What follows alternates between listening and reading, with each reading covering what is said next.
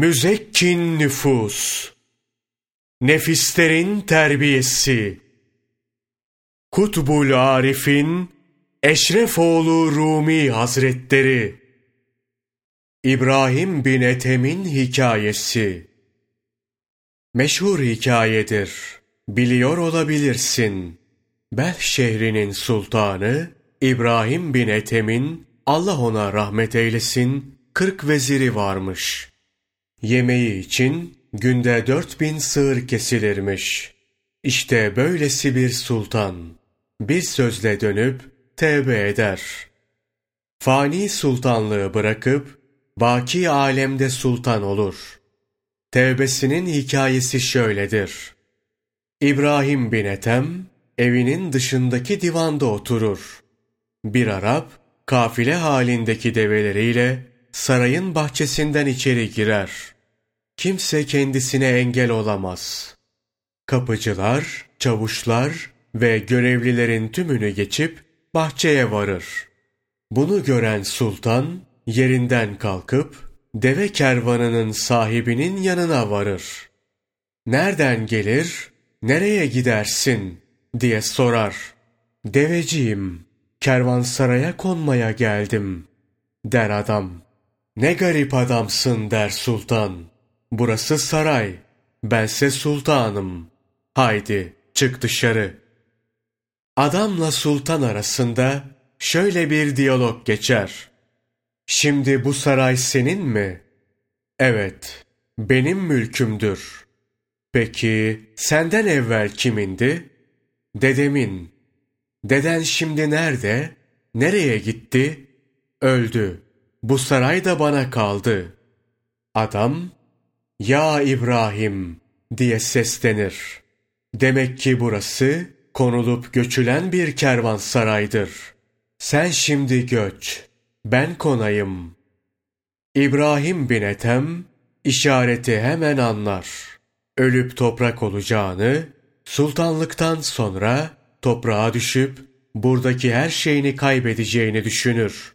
İçinden derin bir ah kopar. Sultanlığı, her türlü rahatı bırakıp, hiçliği, herhangi biri olmayı kabul eder. Eski bir aba giyinip, Mekke'ye mücavir olur. Oraya yerleşip, hayatını ibadetle geçirir. Ey hakikatli nefs! Gözünü aç.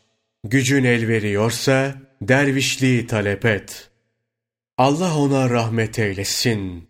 İbrahim bin Ethem sırtında odun taşıyıp pazarda satardı.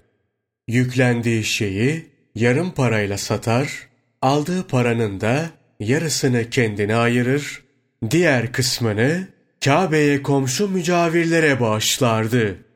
Bu şekilde yedi yıl nefsiyle mücadele etti. Yatsı abdestiyle sabah namazını kıldı.'' İnsan olan böyle olur. İbrahim bin Ethem gibi bir söz ve okla düşer, hakikate yenilir. Ama sen halinin ne üzere olduğunu bilmiyorsun. Sana bunca ok isabet eder, hatta kılıçlarla kesilir, mızraklarla delinirsin. Yine de etkilenmezsin. Kimileri sahip olduklarından sadaka vermediği gibi Müslümanların bağışlarına da göz dikerler. Göz diktiklerini bunlar bizim hakkımızdır diyerek alır, bir kenarda biriktirirler. Kazandıklarıyla cariyeler satın alır, kızlarına altın, inci ve kumaş almakta kullanırlar. Velhasıl öylece nefsani zevkleriyle meşgul olurlar. Köle ve hizmetçilerimin sayısı beşti, ona çıktı. Paramın miktarı şu kadar oldu.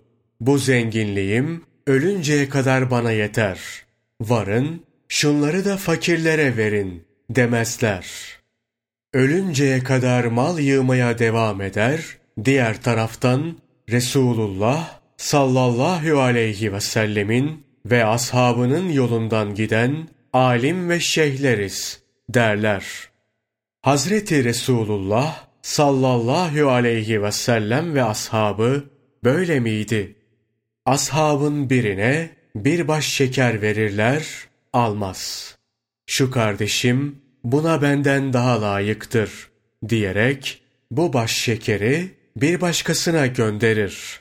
Kendisine baş şeker gönderilen de ilki gibi davranır. O da başkasına işaret eder. Bu baş şeker böyle yedi ev dolaştıktan sonra ilk götürülen eve döner. Bunun üzerine Hak Teala Cebrail aleyhisselam ile Resulullah sallallahu aleyhi ve selleme şu ayeti kerimeyi indirir. Kendileri zaruret içinde bulunsalar bile onları kendilerine tercih ederler.